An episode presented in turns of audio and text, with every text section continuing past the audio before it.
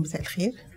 النهارده الجزء الثاني من رسالة روميا إحنا ابتدينا الجزء الأول المرة اللي فاتت وكانت آه، مقدمة. آه، النهارده نظرة عامة على الرسالة والمرة الجاية برضو نظرة عامة على الرسالة لأن دي رسالة كبيرة وعميقة. فطبعا زي ما قلنا يوحنا الذهب الفم قعد فيها كم كم آه، وعظة؟ 33 عظة في 11 سنة. يدرس اتسجلوا 33 هو قعد يدرسها 11 سنة. So فاحنا هناخد ال scratch the surface زي ما بيقولوا. آه، المرة الأخيرة هيبقى في أسئلة بولس الرسول المذكورة في رسالة روميا وإحنا هنعدي عليهم وإحنا بنقرأ. عندي سؤال ليكم بس قبل ما نبتدي. مين بيقرأ الكتاب المقدس في الورق؟ كتاب الورق. طيب اللي بيقروا في كتاب الورق يجيبوا الكتاب معاهم في درس الكتاب. يجيبوا كت... هاتوا كتابكم عشان تستفادوا هاتوا كتابكم معاكم في درس الكتاب. اللي بيقرا بالتليفون هل عندكم في التليفون حاجة تعمل highlights وكده؟ مين بيقرأ في التليفون؟ ممكن اللي بي- بيقرأ في التليفون في التليفون في التليفون في التليفون. لا نزلوا بقى في الآب في الهايلايتس اللي هي بت بت بت بتعمل لكم زي تلوين للآيات علشان لما ترجعوا تاني تعرفوها. وأنا يعني ما عنديش مشكلة إن نعلم في الكتاب الورق أحلى حاجة يعني. في ناس ما بتحبش تعلم لكن التعليم في الكتاب الورق ترجع تاني بتفتكر اللي اتعلمته وبتبقى حاجة مفيدة. فأنا اللي عايزة أقوله جايين درس الكتاب هات معاكم كتابكم الورق. هتستفاد أكتر ولما تروح البيت هتفتكر. لما تيجي تقرأ تاني مرة لما تيجي تقرأ بتفتكر؟ yes exactly Coptic Reader لكن هو يعني فعلا اللي عنده اللي مصر على التليفون ينزل ال app اللي فيه ال highlights لأن برضو لما بت بت بتفتحي ال highlights بتفتكري شوية. لكن الكتاب الورق لا يعلى عليه طبعا. آه ويا ريت نرجع له يعني. حتى اولادنا يشوفونا قاعدين ملتزمين كده ماسكين الكتاب الورق بتبقى حاسين إن إحنا بنعمل حاجة مخصوص مش زي الفيسبوك وزي بقية الحاجات. الكتاب الورق هو آه ليه مش عارفة أنا يعني اللي خلاني أفكر في الموضوع ده لأن في حاجات كتير عايزين نراجعها وإحنا بنقرأ عشان عايزاكم تكتبوا عناوين أنت هتروحوا تقروا لأن مش هناخد كلمة كلمة مش هناخد أي آية لكن هناخد حاجات رئيسية. طيب نبتدي بقى أنا قبل ما أبتدي النهارده هراجع بسرعة اللي ما كانوش موجودين هراجع لهم المرة اللي فاتت سريع جدا. فلو ماشية بسرعة زيادة عن اللزوم ممكن تفرملوني عشان في ناس كتير ما كانتش موجودة المرة اللي فاتت. إحنا قلنا اسم السفر اسمه سفر روميا لأنه مكتوب إلى مدينة روميا في إيطاليا. كاتب السفر بولس الرسول. زمن كتابة السفر. قلنا السنة. فين سارة؟ سارة جت قالت لي يوم الأحد 57 و 58 جت سارة قالت لي في الهول واي. 57 و 58 آه، لمن كتب السفر؟ لأهل روميا في الكنيسة بتاعت روميا. ظروف كتابة السفر؟ كان البولس الرسول في الرحلة التبشيرية الثالثة وكان موجود فين؟ البلد اللي كان فيها؟ كورنثوس. فلما كان في كورنثوس كتب رسالة لروميا. كان قاعد في بيت واحد اسمه غايس واللي كتب له رسالة اسمه ترتيوس واللي نقلت الرسالة كنا كلنا عارفين اسمها فيبي. ليه؟ علشان اسم بنحبه وبنستعمله كتير. آه، سبب كتابة الرسالة قلنا في أسباب كتيرة. أنا أقول الأسباب بسرعة قوي. أسباب خاصة ببولس. قال أنا عايز أكتب الإيمان المسيحي أكتب العقيدة اللي أنا عمالة أبشر بيها. أنا ما بشرتش بالعقيدة دي. آه، أنا ببشر بعقيدة بس ما كتبتهاش. لأن دي سادس كتاب بيكتبه سادس رسالة بيكتبها. لكن ما فيش ولا واحد من السابقات الرسائل السابقة كان فيها العقيدة زي ما شرحها في رسالة روميا فكتب العقيدة وكتب الارجيومنت اللي هي الأسئلة والمناقشات اللي كانت بتصادفه وهو بيبشر وكتبها ولخصها كلها في كتاب واحد اللي هو رسالة روميا رسالة منظمة مرتبة أفكارها متسلسلة متراجعة شكلها إن هي مش متراجعة مش مكتوبة على عجالة مش مكتوبة عشان يرد على أسئلة بسرعة. فالدارسين قالوا إن دي رسالة منظمة جدا وسهلة الفهم معهم عمقها. يعني عميقة جدا بس هم ابتدوا يعني قسموها وضبوها وعرفوها. ما اختلفوش ما اختلفتش الطوائف في تقسيمتها. يعني أنا رحت على كذا طائفة أشوف تقسيمة الرسالة لقيتهم كلهم مقسمينها بنفس الطريقة. هم اختلفوا في حاجات جواها بس نفس التقسيم. آه، من ضمن أسباب برضو كتابة الرسالة إن هي أهل روميا. روميا روما دي كانت قمة العالم في الوقت ده. كل الطرق تؤدي إلى روما وكل الطرق تنبع من روما. وكانت فيها خطية كتير كبلد. آه، الكنيسة كان فيها مشاكل بين اليهود وللرومان. الرومان أو اليونانيين أو الأمم. أي حد غير يهودي اسمه يا الرومان اسمه اليوناني أو اسمه الأممي. فيبقى ده غير يهودي. فطبعا إحنا نسمى أمم لكن لو قالوا علينا رومان أو يونان مش مشكلة. برضو إحنا من نفس الإيه؟ المجموعة. آه فكان في مشكلة في الكنيسة ما كانوش قابلين بعض. المشكلة دي شرحناها بالتفصيل المرة اللي فاتت. آه أيضا من أسباب كتابة الرسالة بولس عايز يطلع بره للغرب عايز يطلع لغرب البحر المتوسط. هو خلص شرق البحر المتوسط ورايح عايز يروح الغرب. عايز يعمل روما دي قاعدة ليه زي ما أورشليم وأنطاكيا قواعد ليه. فعايز يروح للغرب. وآخر حاجة إن هو عايز يخليها هي بوابة بالنسبة له يطلع منها. دي آخر حاجة. في أسباب تانية؟ حد فاكر أي أسباب تانية؟ طيب. تمهيد لزيارته هو قال لهم قال لهم أنا هاجي أزوركم وأنا رايح آه هرجع أورشليم من من من كورنثوس أنا راجع أورشليم وأنا رايح أسبانيا هعدي عليكم. التقليد بيقول إن هو فعلا راح أسبانيا لكن الكتاب ما قالش.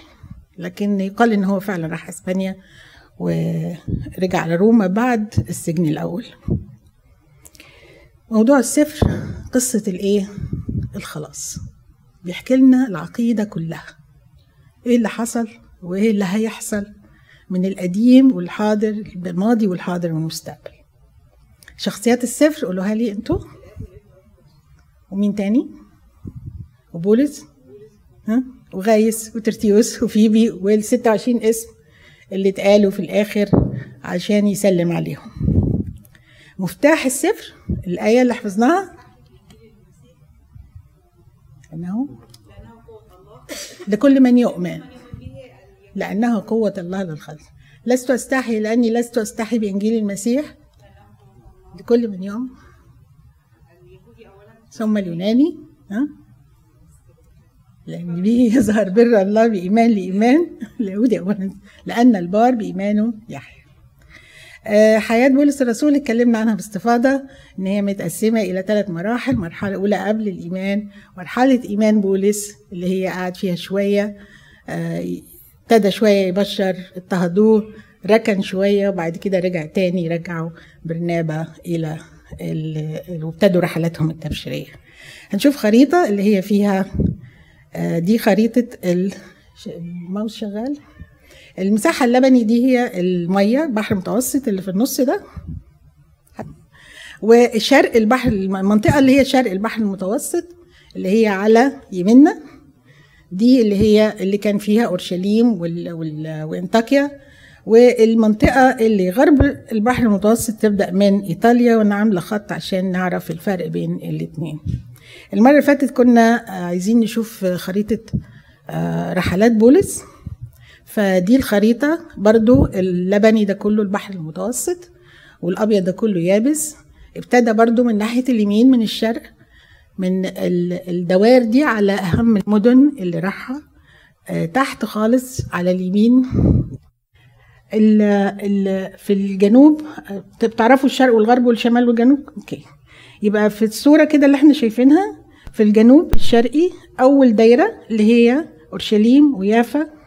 وقيصرية اللي هي طلع منها على السجن الأخير. فوقيها برضو الشمال الشرقي الدايرة اللي فوقيها على طول دي أنطاكيا. بعد كده الدايرة اللي في البحر جوه البحر دي آه قبرص. كان اسمها زمان اللي راح فيها بافوس لما حصلت مشكلة التعبان وطلع من النار والحاجات دي. نمشي كمان غربا كده.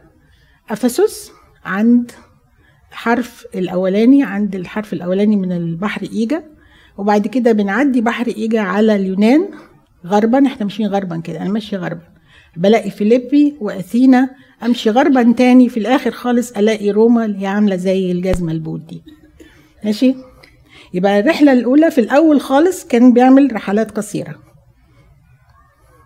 بين أول ما أول ما قابل المسيح بقى بين أورشليم وترسوس وأنطاكيا. وبعد كده طلع الرحلة الأولى وصل لغاية آسيا الصغرى ما راحش لمقدونيا الرحله الثانية راح مقدونيا والثالثه مقدونيا ورجع للبحر. وبعد كده دي الرابعة اللي هي كان فيها السجن الأول. الرحلات كلها الثلاثه الأولى طلعوا من انطاكيا شايفين انطاكيا السهم كله طالع من نقطة واحدة. يبقى الرحلة الأولى مجال ضيق مع المجال ابتدى يوسع. زي ما بترمي حجر في المية وتلاقي بيكبر كده. انتشرت المسيحية في هذه المنطقة. كان بيعمل كنايس وكانت مراحل كتيرة من إن هو بول جوز كورتين. فاكرة؟ وكان يعمل كنايس كان يروح رحلات ويعمل كنايس ويراجع الكنايس. كان ليه استراتيجية مهمة جدا في رحلاته يراجع الكنايس بالرسائل بالزيارة بيبعت رسل يجيب رسل ويطمن عليهم ويطمن على الإيمان زي كورنثوس وغلاطيا يطمن على العلاقات زي كورنثوس وأفسس. على طول كان متابع كنايس اللي هو بيقيمها. الرحلة الأخيرة طلعها كمسجون. من قيصرية إلى روما. ودي كانت رحلته الأخيرة مرجعش تاني الشرق تاني. في رحلاته كتب رسائله قلناهم أول رسالة أول رحلة كتب رسالة واحدة تاني رحلة اتنين تالتة الرابعة أربعة. كده سهلة؟ واحد اتنين تلاتة أربعة. وبعدين طلع من السجن كتب ثلاثة وبعد كده آخر واحدة اللي هي الوداع. حفظتوهم؟ هنقولوا بقى مين بقى اللي كانت الأولى؟ هنقولهم. أنا عارفة مش مش هضغط عليكم أكتر من كده. الرحلة الأولى؟ ما هغششك دلوقتي. الأولى كانت غلطية ودي عليها كلام إن هي كانتش في الأولى كانت في الثالثة وأنا مع الثالثة أكتر بس حطيتها الأولى عشان نحفظ واحد اتنين تلاتة أربعة. الرحلة الثانية تسالونيكي الأولى والثانية كتبهم في الرحلة الثانية عن المجيء الثاني اتنين اتنين اتنين. يبقى الرحلة الثانية تسالونيكي الأولى والثانية عن المجيء الثاني الرحلة الثالثة كورنثوس الأولى والثانية ورسالة النهاردة اللي هي روميا لسه ما خلصتش. استنى ما تخلص. الرحلة الرابعة رسائل السجن. أربعة ثلاثة فيهم في أفسس وفيليبي وفيليمون وكلوسي واحدة ما فيهاش فيه بعد السجن الأول في روما كتب تيمساوس الأولى وتيتوس عبرانيين ما كانتش محطوطة في الجدول ده لحد ما اتأكدوا إن بولس الرسول اللي كتبها فحطوها في الآخر. فما كانتش عبرانيين في المجموعة دي. ورسالة الوداع اللي هي آخر رسالة تيمساوس الثانية خلاص كده ده الكلام ده قلناه المرة اللي فاتت. أنا براجع عليه على عجالة. عايزها مفتاح السفر. أنا عايزاكم تحفظوه. ممكن نقراه مع بعض تاني؟ بصوت عالي. كلنا مع بعض. لأني لست أستحي بإنجيل المسيح. من قوة الله للخلاص كل من يؤمن اليهودي أولا ثم اليوناني لأنه مر الله بإيمان لإيمان كان مكتوب أما البار فبالإيمان يحيى. ما كملش إيه؟ ما هو عايز بقى إيه؟ يلصم في الناس. برافو عليك. عشان هو بيتكلم على الثلاث حاجات دي. بيتكلم عن البر والإيمان والحياة. هنتكلم عنها بالتفصيل. I think اتكلمنا عنها المرة اللي فاتت؟ طيب. قبل ما نبدأ بقى في ال في السبجكت في الميت بتاع الرسالة أنا عايزة معاكم كده ناخد نظرة عن ملخص للرسالة. لو أنا غلط وحد عارف حاجة أصح مني يقولها. بس يعني ده كان نتيجة بحث كتير وسألت ناس كتير. آه، آدم ربنا خلقه وحطه في جنة عدن وقال له اعملها واحفظها. واداله إيه؟ اداله وصية. قال له تاكل من كل شجر الجنة إلا شجرة معرفة الخير والشر. لو كلت منها هتموت. موتا تموت في القداس وقف قال إيه يا أبونا؟ فاكلت بإرادتي وحدي. ها وتركت عني ناموسك. أنا اختطفت. لنفسي قضية الموت. يبقى أصبحت في قضية موت بين الله والإنسان. الإنسان اختطف لنفسه قضية موت. متفقين؟ غير كده نتيجة تانية غير قضية الموت. حصل إيه تاني في آدم؟ مش كان بيتعامل مع الشيطان؟ يبقى إيه؟ أصبح للخطية سلطان عليه. يبقى أول حاجة مات بالخطية مش بس مات بالخطية أصبحت الخطية لها سلطان عليه. مش بس كده الله قال له إيه؟ قال له ملعون الأرض بسببك. يعني حتى الخليقة كلها اتلعنت بسبب الخطية آدم بقى راح طلع من المشكلة دي وخلف بقى العالم ده كله. بس ربنا من أول ما آدم أخطأ عمل له إيه؟ كساه كساه كسى العري بتاعه. ووعده وعد قال له إيه؟ قال له أنا هتصرف. أنت وقعت. أه. تاخد حكم وخدت حكم الموت. عندنا ثلاث مشاكل هنبص عليها هيركز عليها بولس الرسول في رسالة روميا. يبقى خطية آدم هي المشكلة والحل في إنجيل الله. حل الثلاث مشاكل دول هو يعني هم الدارسين لخصوا شوية من المشاكل لخصوا الثلاثة دول وقالوا إن الحل بتاع الثلاث مشاكل دول في رسالة روميا. يبقى أول مشكلة أنا اختطفت لنفسي قضية الموت بالخطية الموت.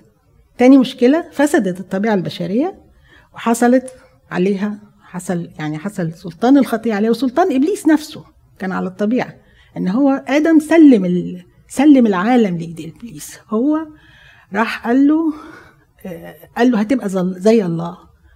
قال له اسمع كلامي هتبقى زي الله. نفس الخطية اللي وقع فيها إبليس. إبليس قال إيه؟ أصير مثل اللي فراح قال لآدم أنت هتصير مثل العلي هو عارف إنها الحكاية مش هتنفع لكن هو عايز يوقعه إنه يخالف الوصية ثالث حاجة اللي هي فسدت الخليقة والخليقة قد أخضعت للبطل زي ما بيقول بولس الرسول في أصحاح 8 الخليقة أخضعت للبطل عارفين يعني إيه بطل؟ عارفين يعني إيه واحد يبطل صوته؟ يروح الانتخابات يروح إيه؟ يبطل صوته ما يعمل عليه أي حاجة يعني صوته ما بقاش ليه قيمة.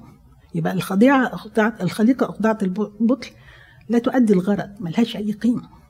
خلاص اللي اتخلقت علشان تقدس وتمجد الله فسدت. يبقى إزاي بقى هيشرح لنا بولس الرسول إن مشكلة آدم دي اتحلت بإنجيل الله اللي هو إنجيل المسيح؟ البشارة بقى اللي هيقولها لنا. بيقول إيه؟ أول حاجة قال لنا متبررين مجانا بنعمته بالفداء الذي بيسوع المسيح الذي قدمه كفارة بالإيمان بدمه لإظهار بره. إزاي؟ الله هنا الإنسان هنا واقف في قفص الاتهام عليه حكم بالموت. والله هنا قانونه وبره وعدله ما يقدرش يغير الحكم ده. مش ما ينفعش مش ما يقدرش هو يقدر. بس ما ينفعش يغير لأن هو الله عادل وبار أيوب قال إيه؟ ليس بيننا مصالح. يضع يديه على كلينا. لو فتحناها في أيوب تسعة 22 و 23 بيقول الله ليس إنسان علشان أنا أتحاور معاه.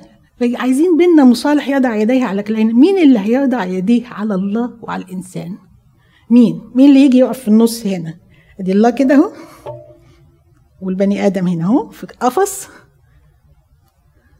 هو كده في المتهم محكوم عليه بالموت. والله هنا. مين يضع يديه على كلينا. مين؟ من.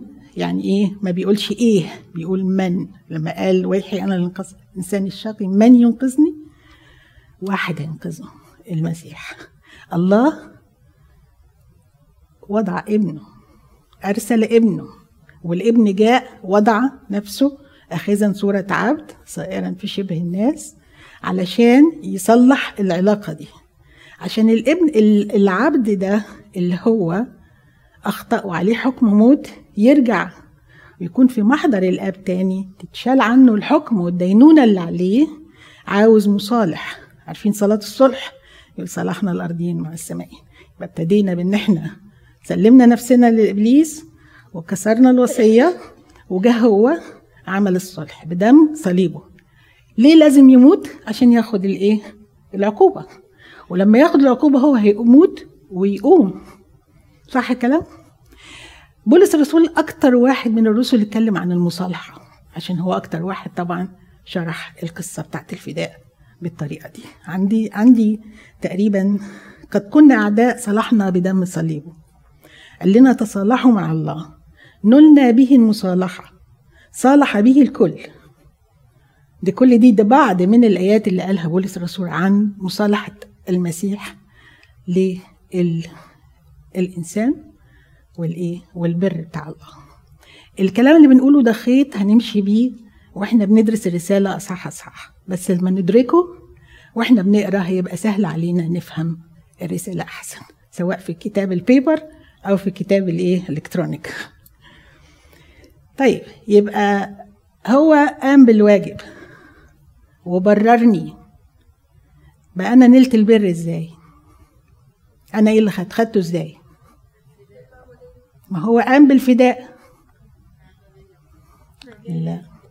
مجاني أنا هخ... أنا أناله إزاي؟ أنا انال البر لازم الإيمان. هو بيقول متبردين بنعمته مجانا بالفداء الذي به يسوع المسيح قدمه كفارة بالإيمان بدمه.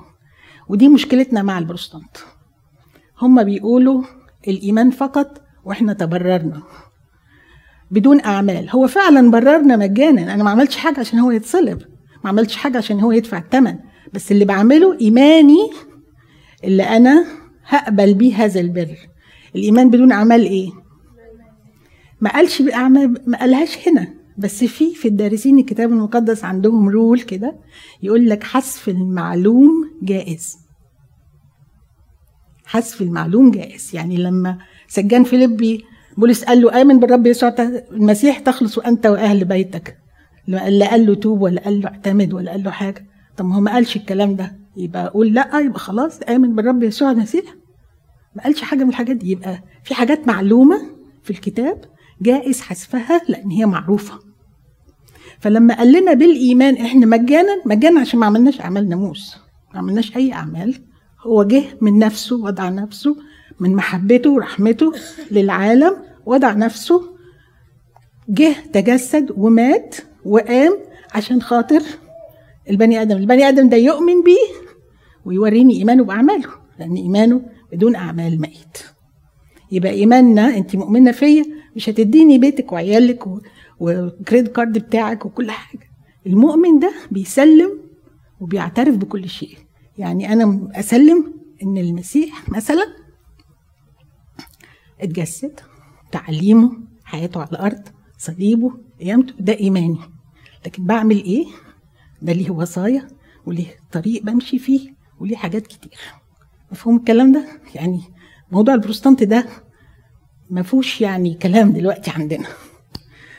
اتفقنا؟ يبقى متبرين مجانا بالإيمان بنعمته يعني ما عملناش حاجة من جانبنا. بالفداء الذي بيسوع المسيح الذي قدمه كفارة بالإيمان بدمه لإظهار بره طيب يبقى البر القضية تتحل بالصليب بالإيمان بالفداء. عندنا طبيعة بشرية فاسدة. ورثنا من آدم بعد ما هو سقط طبيعته فسدت.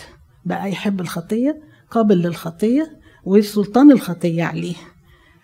إيه الحل في رسالة روميا للموضوع ده؟ أو إيه الحل المسيحي لمشكلة البشرية؟ المعمودية. وراثة آدم دي نموت عنها. يبقى إحنا ننفصل عن آدم نموت عن آدم. يبقى موتنا في المعمودية. ونقوم مع المسيح في المعمودية. يبقى المعمودية خلصتنا من الطبيعة الفاسدة اللي ورثناها. هيقولوا لي خطية جدية خطية أصلية وات اللي السبب أنا عندي طبيعة فاسدة رحت المعمودية مت مع المسيح وقمت. ما بقاش للخطية سلطان عليا. عشان كده بولس يقول إيه؟ أنتم عبيد للذين تطيعونهم يعني مش أنت مش الخطية جت لك غصب عنك. أنت تعطها ومشيت وراها. هتطيع الجسد تمشي ورا الجسد هتطيع الروح هتمشي ورا الروح. يبقى في خلاص من فساد الطبيعة البشرية. تمام؟ فساد الخليقة بقى ده اللي مالوش حل. ليه بقى؟ الخليقة اللي إحنا عايشين فيها دي مليانة إيه؟ بصوا للهوا كده في فلو وفي كورونا فيروس وفيه آه، آه، فيروسات ما نعرفش أساميها وفي أمراض ما نعرفهاش. البحار فيها تسونامي الهواء بينزل نار على الغابات زي ما بنعرف. آه، الجسم الجسم المادي اللي إحنا فيه ده فيه إيه؟ فيه مرض فيه شيخوخة فيه ركب فيه في حاجات في مشاكل كتيرة موجودة فينا. ملهاش حل لأن إحنا إيه؟ عايشين في خليقة ساقطة. نعمل إيه؟ إيه الحل فيها؟ قال لنا لنا رجاء. إحنا عايشين على الرجاء.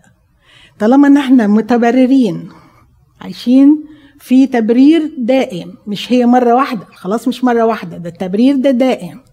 متبررين واعتمدنا وخلصنا من الطبيعة الفاسدة هنعيش في الخليقة الفاسدة دي هنعيش فيها وفينا إيه؟ حاجتين بيشدوا لبعض. الخليقة والمجتمع اللي حوالينا والشر اللي حوالينا ومعانا ناموس الله اللي جوانا اللي بيشدنا. عند نهاية حياتنا لما المسيح يجي أو نهاية حياتنا بنشوف أنهي كفة اللي رجحت. الكفة الكفاح بتاعك ضد الخطية ولا استسلامنا للخطية.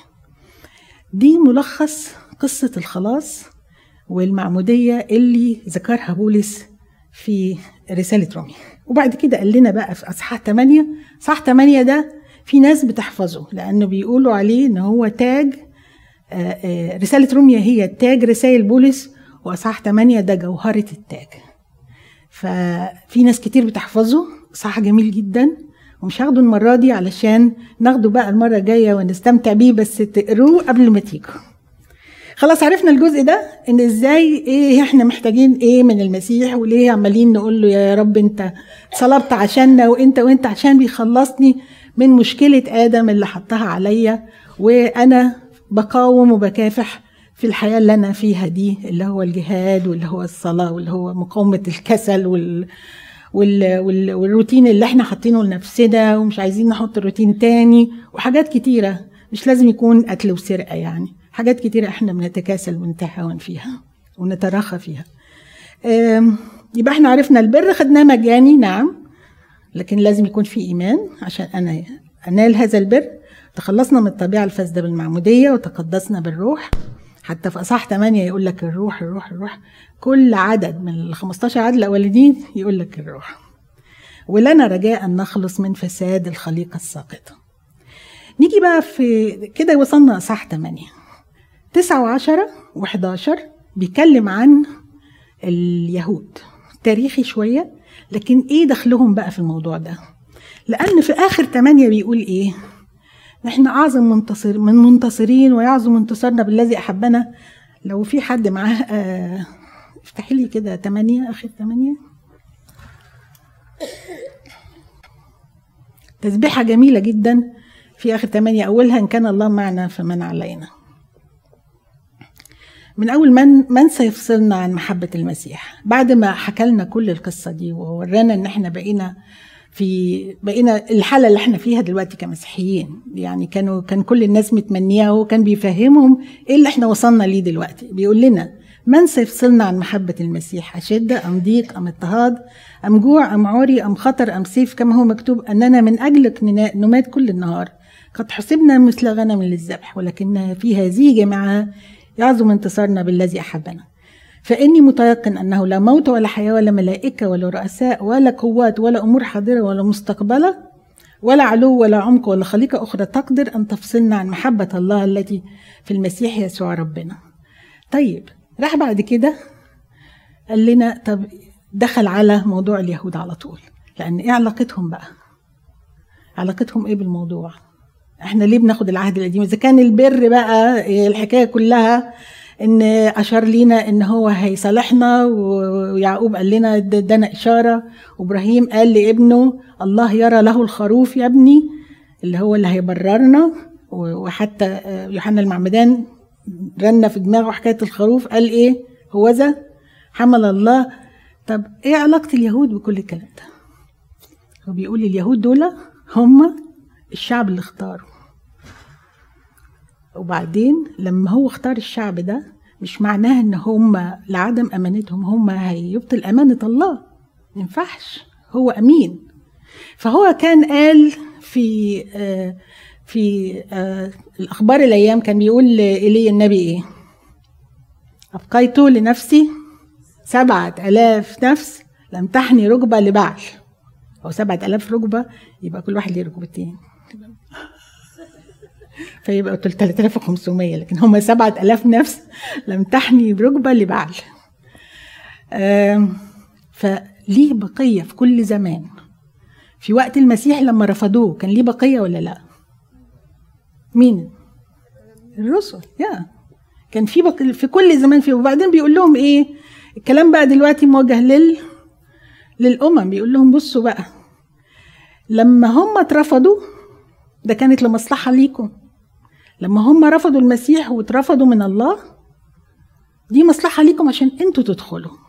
بس مش معنى انكم دخلتوا جيتوا من الزيتونة البرية إلى الزيتونة الأصلية انكم تتعالوا على الأصل.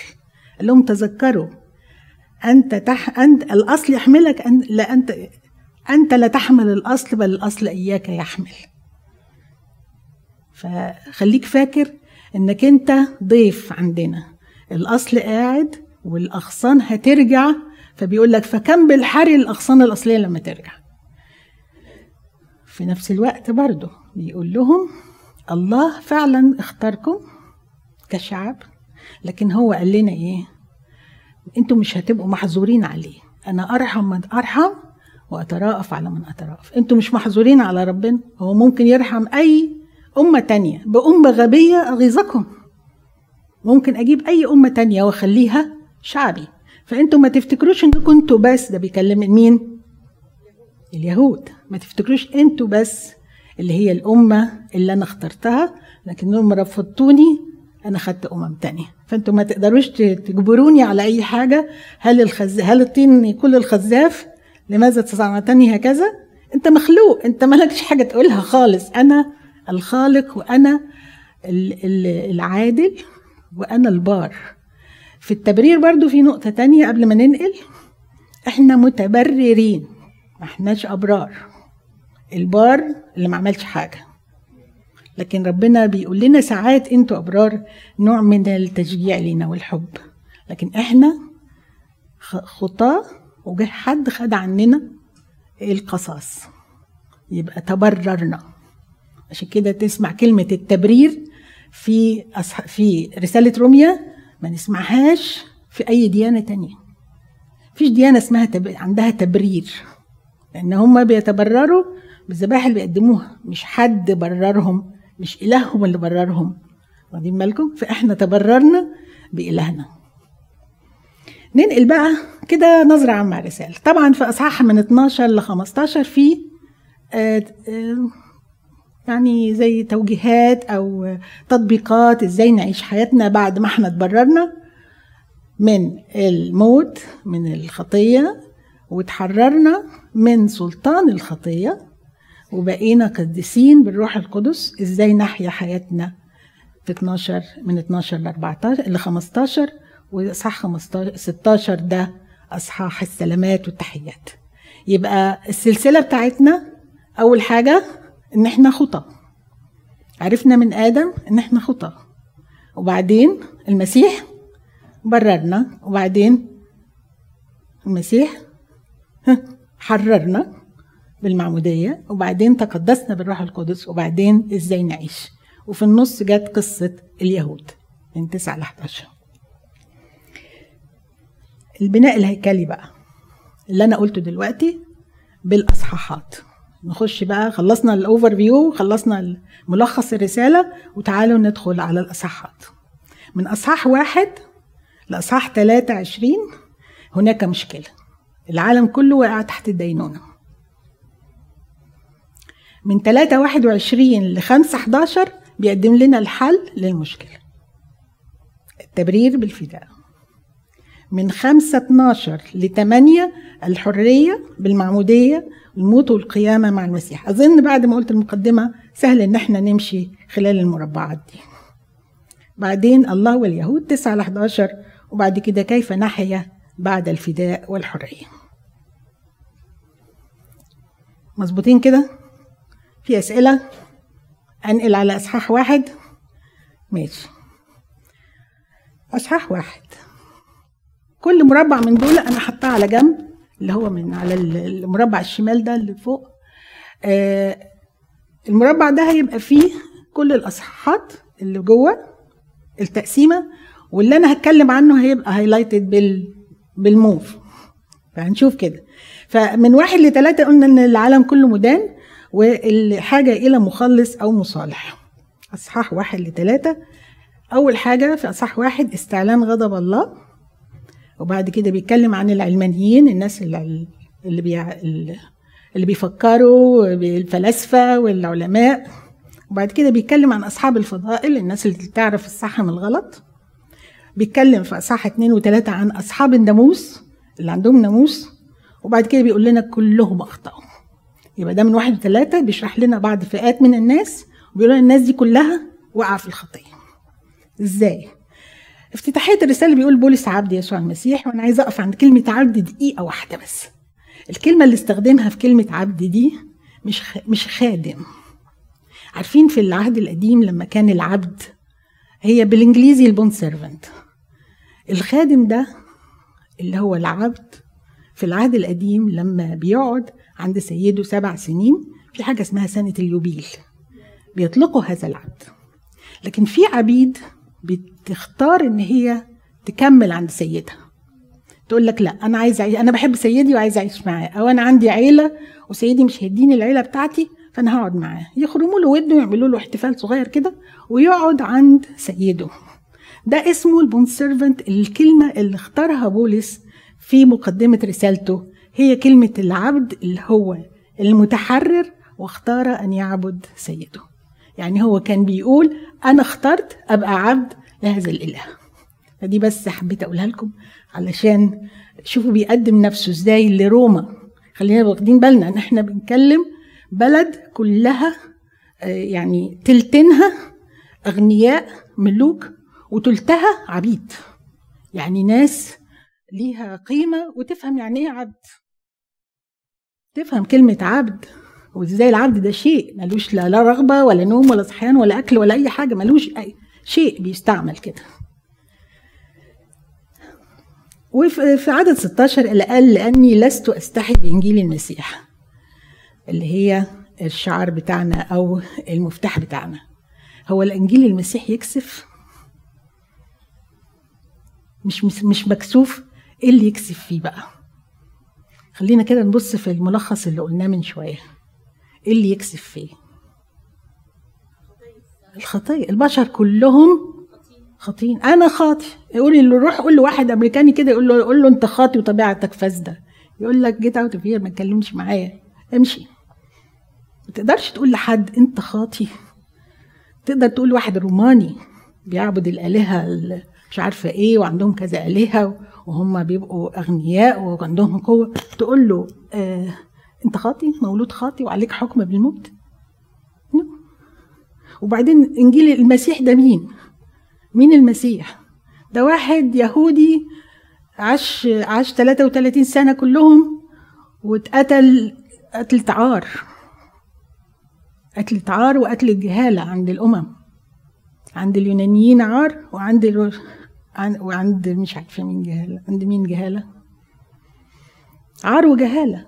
يبقى انت خاطي وعندك عار وهو بقى بيبعت بقى الروم يقول لهم أنا لست استحي بإنجيل المسيح لأنه قوه الله للخلاص فشوف الراجل بيقول أنا عبد لكن مش مكسوف إن أنا أكون مبشر لإنجيل المسيح وأكون مسيحي لانها قوة الله للخلاص كلمهم بلغتهم ده القوة بقى مش القوة اللي عندكم هي القوة. قوة إنجيل المسيح اللي أنا فيه دي هي القوة. لكل من يؤمن طبعا وراح معمم اليهودي واليوناني عشان دي خيط برضو هنشوفه في كل رسالة بيكلم اليهودي واليوناني.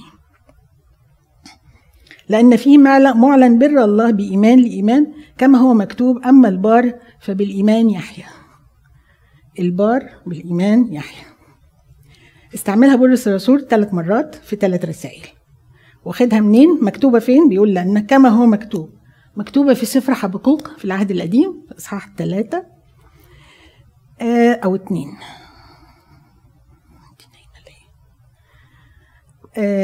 البار آه، ذكرها في روميا ذكرها في عبرانيين وذكرها في رسالة غلطية. في رسالة روميا اتكلم عن البار اللي هو البر. اتكلم عن البر كانت في رسالة روميا. في رسالة عبرانيين اتكلم عن الإيمان. ذكر الآية وركز على الإيمان. ذكر الآية في رسالة روميا وركز على البر. ذكر الآية في رسالة غلطية وإزاي البر بإيمانه إزاي بيحيا. في رسالة غلطية مفهوم؟ أسئلة؟ يبقى العدد 16 و 17 الشعار بتاعنا فيهم حاجتين حلوين جدا. لست أستحي بإنجيل المسيح مش مكسوف منه. وأما البار فبالإيمان يحيا. أنا عشان أحيا بارا لازم أكون مؤمن. الجزء الثاني هنتكلم عن استعلام غضب الله. تعال نشوف كده. عدد 18 اصحاح واحد لو معاكم كتبكم أو لو معاكم آه، يعني عشان تبقوا فاميليار بيه لما تيجوا تروحوا البيت تقروا لأن غضب الله معلن من السماء على جميع فجور الناس الناس وإثمهم الذين يحجزون الحق بالاسم. الله بيغضب؟ كل الرحمة دي وكل الت... الله بيغضب؟ إجابة الله بيغضب؟ بيغضب الله بيغضب وغضبه ظهر في العهد القديم غضب إيجابي جدا. لما حرق سدوم وعمورة لما طوفان لما نزلت نار من السماء كلت الجنود اللي جايين ياخدوا إيليا ياخدوا أرميا ايليا فالله بيغضب. والله اللي ليه ليه ليه حدود القبول يعني. في حاجات لا يقبلها الله. الخطية يكرهها الله والإصرار على الخطية أكتر. الناس اللي بتصر على الخطية الناس اللي عايشة في الخطية هي دي اللي الناس بيغضب عليها. إنهم بيقول إيه؟ جميع فجور الناس عارفين يعني إيه فجور؟ يعني إيه فجور؟ رفض. اللي بيفجر ده رفض رفض مبادئ رفض آه، قوانين رفض الله فجور. ده اللي هي يقول لك ده فجر يعني رفض كل حاجة. الذين يحجزون الحق بالاسم هم دول اللي غضب عليهم ربنا. بس إحنا بقى استمر الغضب ده؟ مين اللي صلح الغضب؟ المسيح. اتشال الغضب من علينا. اتشال الغضب من كل من يؤمن. لكل من يؤمن. طبعا الإيمان بالأعمال. ما فيش إيه كلمة إيمان دي كلمة كبيرة. لكل من يؤمن يترفع الغضب. لكن الغضب موجود؟ موجود. وفي وفي الأبدية مش في غضب؟ في. فما في ناس تقول لك لا الله لا بيغضب. وهي واضحة جدا. اذا معرفة الله ظاهرة فيهم ده بيتكلم عن الناس بقى اللي غضبان عليهم ربنا. بيقول إن معرفة الله ظاهرة فيهم لأن الله أظهرها لهم. لأن أموره غير المنظورة الحاجات اللي هم مش عارف مش شايفينها. ترى منذ خلق العالم مدركة بالمصنوعات بالمصنوعات قدرته السرمدية ولاهوته حتى إنهم بلا عذر. أنا ب... أنا جايبة من الكتاب على طول. هم دايما قالوا لي رسالة روميا هاتي افتح الرسالة واقري فيها أكتر من الواحد يعمل PowerPoints والحاجات دي يعني. فالقراية دي هتفيدنا خالص. يبقى بيحكي على الناس دي بيقول إن هم أدركوا الله وجوده من الخليقة. العلماء دول اللي بيدرسوا الجينات وبيدرسوا ال DNAs والحاجات دي مش عارفين إن في خالق لكن بينكروه. وعبدوا المخلوق دون الخالق عبدوا الإنسان. يعني زي أوبرا وينفري دي تقول لك أنا بقدر أعمل كل حاجة. أنا بقدر أنا إله. هي ب... ب... ده في ديانة جديدة إن هم كلهم آلهة. في الهوليوود اللي هي Scientology دي ولا اسمها إيه؟ كلهم آلهة. لأنهم لما عرفوا الله عرفوا الله عارفين إن في إله. ما فيش حد مش عارف إن في إله. لم يمجدوه أو يشكروه كإله بل حمقوا في أفكارهم وأظلم قلبهم الغبي. وبينما هم يزعمون أنهم حكماء صاروا جهلاء وأبدلوا مجد الله الذي لا يفنى بشبه صورة الإنسان الذي يفنى. عبدوا نفسهم وعبدوا أشباه نفسهم. لذلك شوفوا بقى الغضب السلبي بتاع الله. ده غضب سلبي. أسلمهم الله أيضا في شهوات قلوبهم إلى النجاسة. سابهم. ما عملهمش حاجة سابهم. فإيه اللي جواهم غير الخطية؟ إيه اللي جواهم غير النجاسة؟ أسلمهم الله أيضا في شهوات قلوبهم إلى النجاسة لإهانة أجسادهم بين ذواتهم. الذين استبدلوا حق الله بالكذب واتقوا وعبدوا المخلوق دون الخالق الذي هو مبارك إلى الأبد أمين. لذلك أسلمهم الله إلى أهواء الهوان. I think إن أنا لو حبيت أشرح هي مشروحة جدا وواضحة جدا إزاي الناس دي لما رفضت الله تركها. بتشوفوا الأمثلة دي حواليكم؟ كل يوم كل يوم بنشوفها. الناس اللي أسلمهم الله لأن هم فجروا وإيه؟ فجور الناس واسمهم. فجروا وأثموا وأصروا على الإثم وعبدوا أنفسهم وعبدوا مش لازم يعبدوا إنسان يعبدوا وقتهم يعبدوا شغلهم يعبدوا بيوتهم يعبدوا ما هو العبادة إيه؟ أولويات. العبادة كل حاجة بنقضي فيها وقتنا وبنؤمن فيها دي عبادة. أي حاجة بنعملها مع أكتر من إلهنا يبقى إحنا مصرين على إن إحنا ما نعبدش إلهنا. الأصحاح اتنين لو قلبنا الصفحة بيتكلم عن أصحاب الفضائل اللي هم قال لنا إن هم ناموس لأنفسهم الناس اللي هي عندها فضائل. طبعا ما فيش فضائل إلا ما يكون منبعها الله. الله خلق في الناس ضمير. في كل البشرية فيها ضمير يعرفوا الصح من الغلط. يعرفوا إن هم اخطاوا حتى لو ما لهمش إله حتى لو ما لهمش دين بيعرفوا الصح من الغلط. فاصحاب الفضائل دول قال لهم أنتم ناموس لأنفسكم. استعملوا الناموس ده في إيه هم؟ في إدانة الآخرين. بدل ما يعملوا يعني حتى لو عملوا الخير يقول لك فلان ما بيعملش الخير اللي أنا بعمله. يبقى هو غلط. قالها إزاي؟ لذلك أنت بلا عذر أيها الإنسان كل من يدين. لأنك فيما تدين غيرك تحكم على نفسك لأنك أنت الذي تدين تفعل تلك الأمور عينها. لأن الأمم الذين ليس عندهم ناموس ما تفعلوا بالطبيعة ما هو في الناموس فهؤلاء إذن ليس لهم ناموس هم ناموس لأنفسهم. يعني في ناس عندها ناموس جواها لكن بتستعمله لإدانة الآخرين. ممكن تعمل خير. في خير في النافل في خير بعيد عن المسيحيين. مش كل المسيحيين هم اللي بيعملوا خير. بس ده منبعه الله. وتلاقيهم هم بيدينوا الآخرين اللي هم ما بيعملوش الخير اللي هم بيعملوه. يبقى حتى أصحاب الفضائل مالهم مديونين قصدي مدانين مدانين.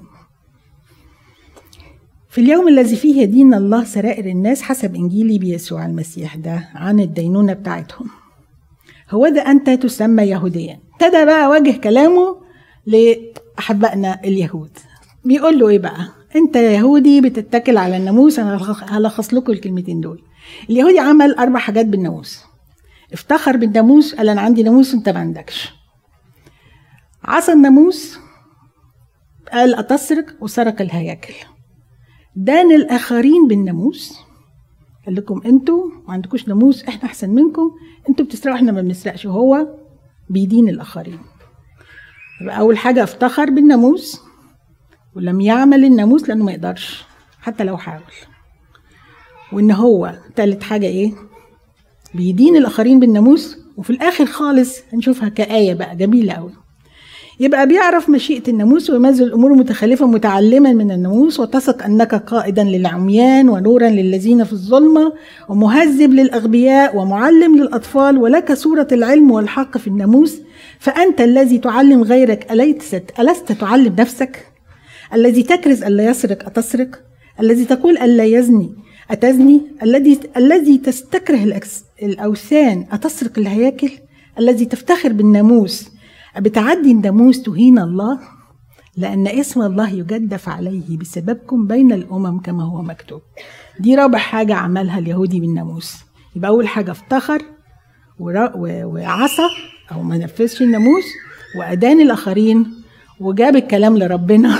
أن اسم الله يجدف بسببكم بين الأمم يبقى عرفنا أصحاب الناموس والعلمانيين وأصحاب الفضائل. دي أمثلة جابها لنا عشان يقول لنا إيه. الجميع زاغوا وفسدوا. مفيش حد مش تحت الدينونة مفيش حد لم يدان. فهنا بيقول لنا في أصحاح ثلاثة فماذا إذا واخدين بالكم من ماذا إذا و therefore اللي قلناها المرة اللي فاتت اللي هي الجملة استنتاجية. دايما بعد ما يدي argument كده يدي ادانا شوية حاجات ادانا إن اليونانيين سوري إن العلمانيين واليهود والأصحاب الفضائل هم الثلاثه مش ما هماش صالحين وهم الثلاثه عندهم خطايا عندهم مشاكل فبيقول لك فماذا اذا سؤال واستنتاج. نحن أفضل كلا البت. يعني إحنا كمان هنقول على إحنا كويسين كلا البت كلنا.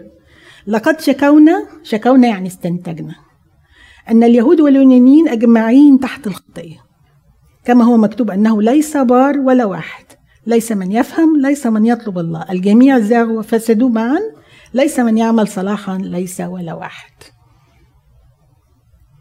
إحنا كده في اصحاح ثلاثة. ماشيين في في في خط كلنا مع بعض. يعني دلوقتي إحنا في الجزء الأولاني اللي هو اسمه إيه؟ الدينونة والحاجة المخلص اللي هو العنوان اللي فوق في الخط الأسود من فوق. إحنا لسه في خط الدينونة والحاجة المخلص. خلصنا الثلاث أمثلة وطلع بجملة استنتاجية أن ليس الجميع زاغوا وفسدوا ليس من يعمل صلاحا ليس ولا واحد. هنخش للجزء الثاني اللي هو من أصح 3 21 لأصح 5 11 الحل للمشكلة يكلمنا عن التبرير بالفداء. بيقول في إصحاح 3 21 الآن ظهر بر الله. الله هو اللي بار. عشان كده هيبررنا لأن من بره يعني إيه بر الله؟ رحمته ومحبته وصلاحه وتقدمته لينا وفدائه كل ده بر الله.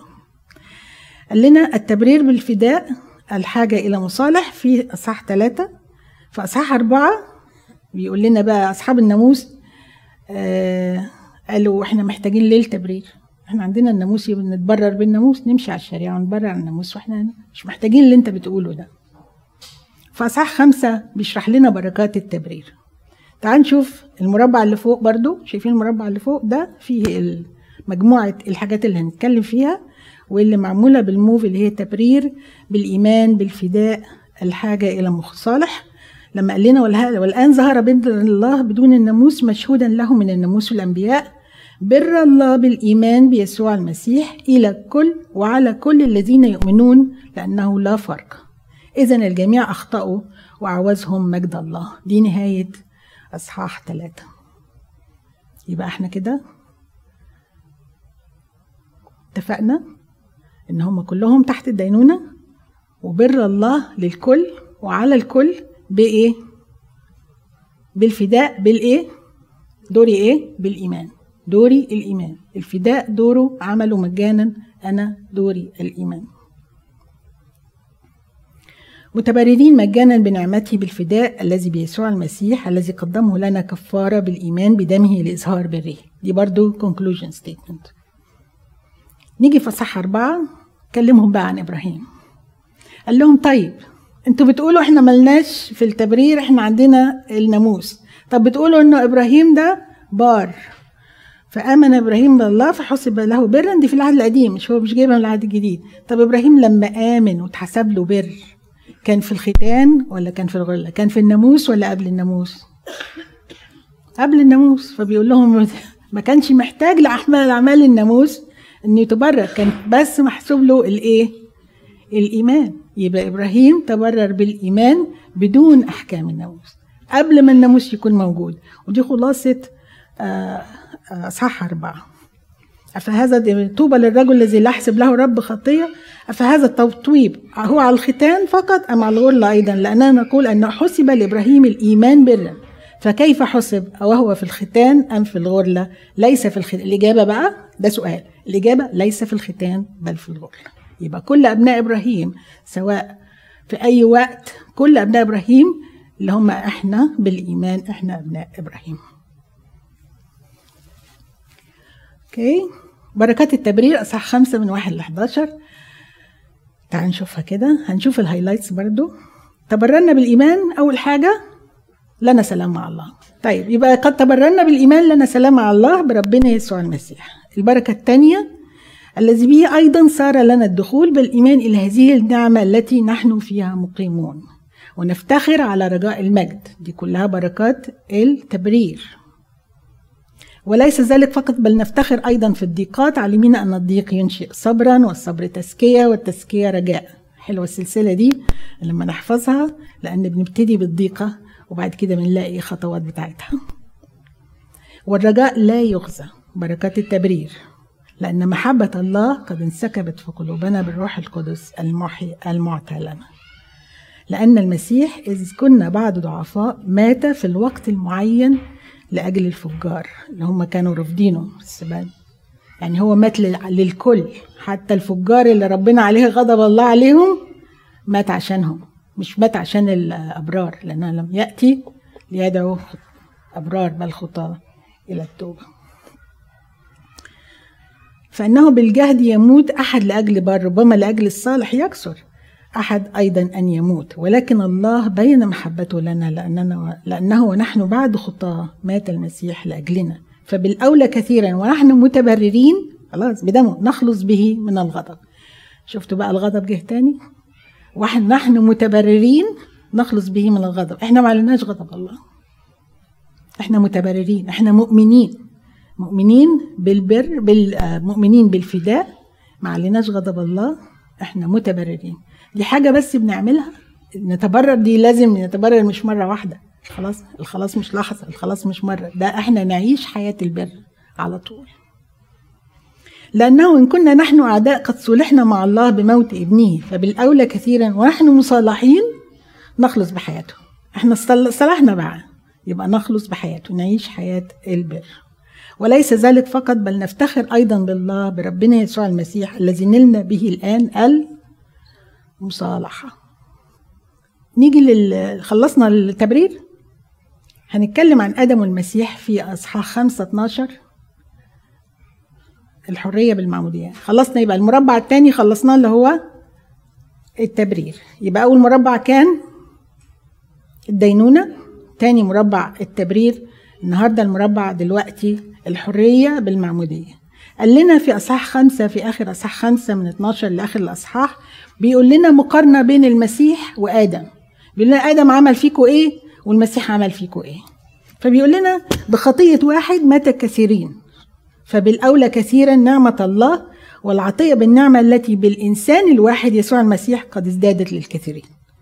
وقعد يكرر بين الواحد آدم والواحد المسيح والفرق بين الاتنين لحد ما جينا للجدول ده. أنا حطيتهم في جدول عشان يسهلوا علينا لأن الكلام متكرر شوية. فلخصت بالإنسان الواحد آدم دخلت الخطية وبالخطية الموت وإلى جميع الناس. بالإنسان الواحد المسيح زي ما هم مكتوب دي نفس الألفاظ اللي هو استعملها. نعمة الله ازدادت لكثيرين بعد ما كانت داخلة الخطية. شوفوا قصادها نعمة الله بالخطية الموت بأن نملك في الحياة بيسوع المسيح لجميع الناس صارت الهبة للتبرير هبة للكل. هبة يعني حاجة زي نعمة من غير ثمن بدأ خمسة اتناشر آدم والمسيح. هتقدروا تكملوا؟ آه هنا بيتكلمنا عن المعمودية. يقول لنا إن إحنا عشان نخلص من مشكلة آدم لازم ننزل في المعمودية أو نموت مع المسيح ونقوم معاه لما بنموت في جرن المعمودية بنموت بيموت الطبيعة الفاسدة. خلاص تخلصنا منها في المعمودية. رضينا أن أبا أم أبينا ما دام لينا جبين واقفين نزلنا في جرن المعمودية كل اللي بينزل في جرن المعمودية بيتخلص من الطبيعة الفاسدة. عاش إزاي بعد كده؟ دي مسؤوليته هو. ماشي؟ إنساننا العتيق قد صلب معه ليبطل جسد الخطية لكي لا نعود نستعبد أيضا للخطية. كلنا ما إحناش عبيد للخطية. ولكن بنروح للخطية بإرادتنا. بنستعبد للخطية بنستعبد نفسنا للخطية. بنحط الخطية بنحط نفسنا تحتها. لأن الذي مات قد تبرأ من الخطية. اللي مات ده اللي هو إنساننا العتيق اللي هو ابن آدم آدم ده مات.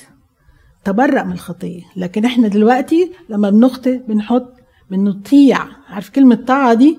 حاجة إرادية. أنا بطيعك يعني أنا اخترت أطيعك. مش ب... مش أنت جبراني على حاجة. فالطاعة دي شيء أنا اخترته.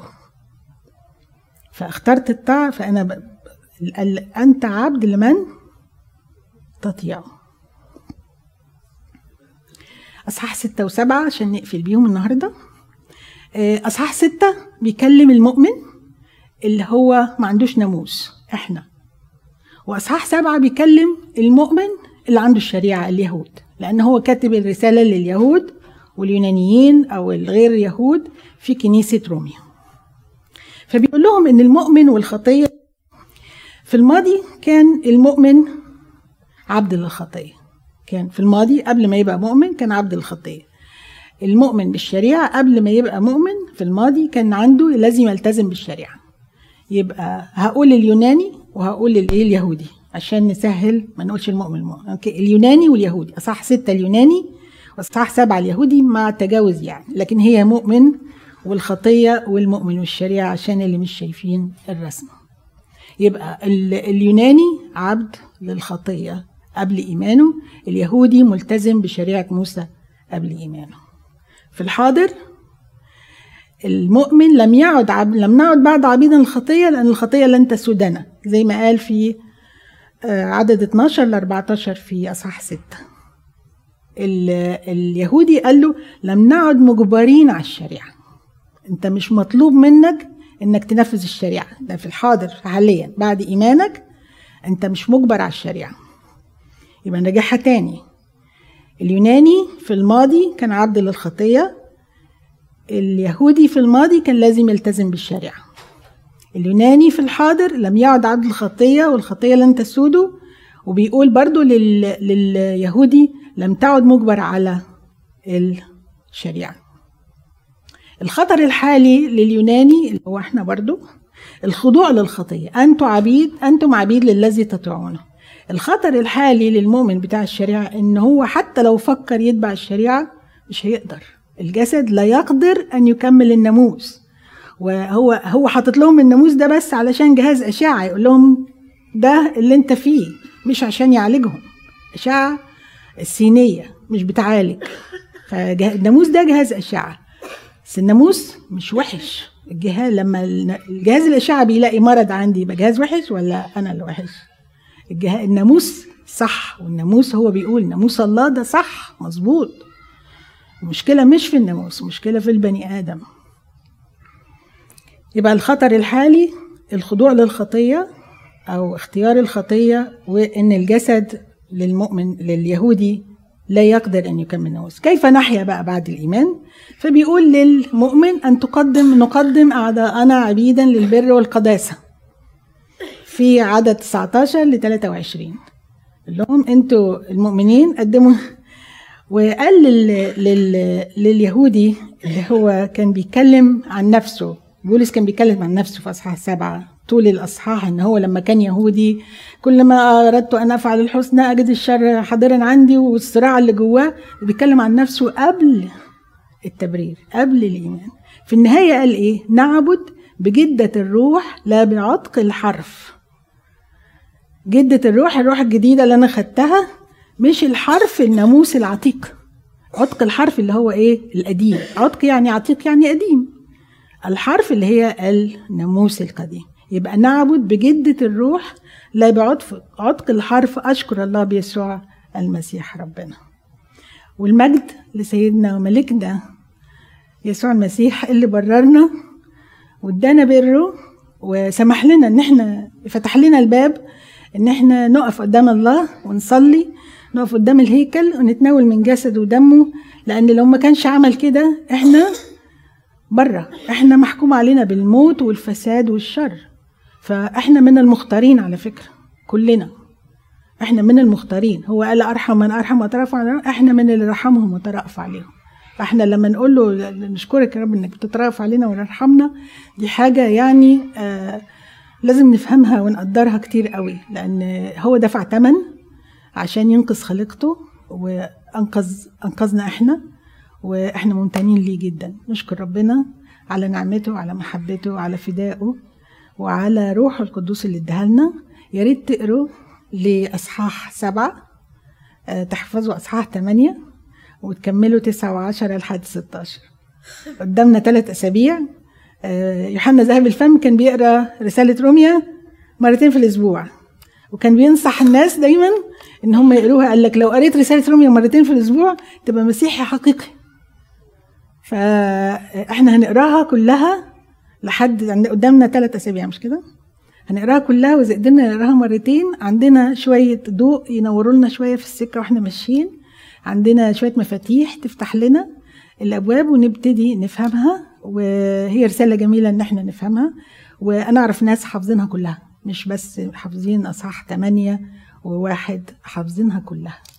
آه واحد من الآباء بيقول إن رسالة إن آه الكنائس آه كنائس الرسائل عبارة عن عبارة عن أبروشية رسائل روميا رسائل بولس أبروشية والكاتدرائية بتاعتها رسالة روميا وقدس الأقداس أصحاح 8 فنقرأ قدس الأقداس أو جوهرة التاج ونستمتع بيها ونتعلم منها. وربنا يبارككم ويبارك حضوركم ويبارك خدمتكم في البرد ده. وإلهنا المجد الدائم. آمين. سؤال؟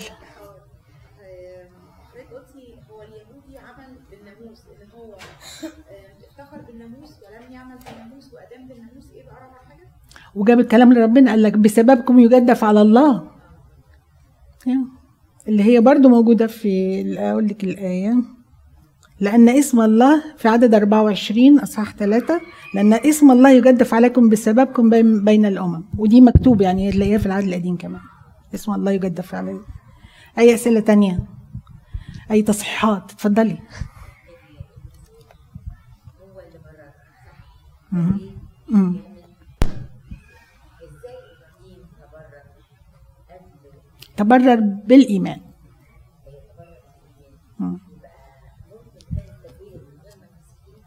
لا.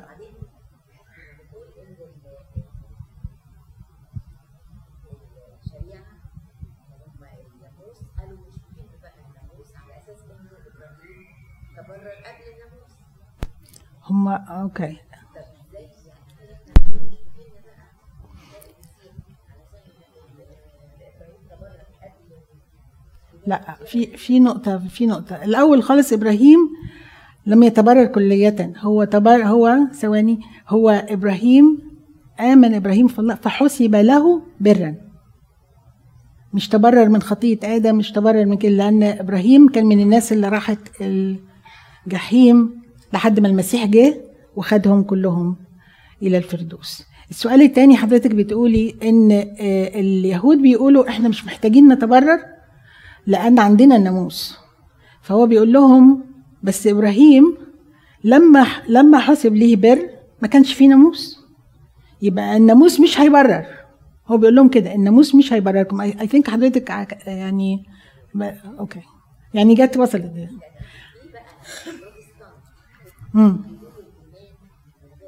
امم دي المفروض ان هي واضحه ان الشيطان نفسه عنده ايمان هيبقى إزاي الشيطان عنده ايمان يبقى هو ينفع لازم يكون له اعمال غريبه الرسول ما هو يعقوب الرسول شرحها في رسالته قال إيه؟ أرني إيمانك بدون أعمال وأنا أريك باعمالي إيماني.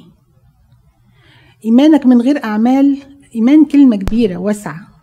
مش إيمان وأنا قاعد. لا إيمان لازم يكون ليه سيمتومز لازم يكون أعراضه عشان يكون في إيمان. يعني أنا ما أقولش أنا عندي إيمان وأقعد وأعيط على كارثة بتحصل يبقى إيمانك إيه هو إيمانك ده؟ ما عندكش إيمان. يبقى لازم يكون في إيمان عشان يبقى في إثبات عشان يبقى, يبقى عشان في بالنتيجة الايمان ده اللي هو التبرير أي أسئلة تانية؟ تعليق. اشكركم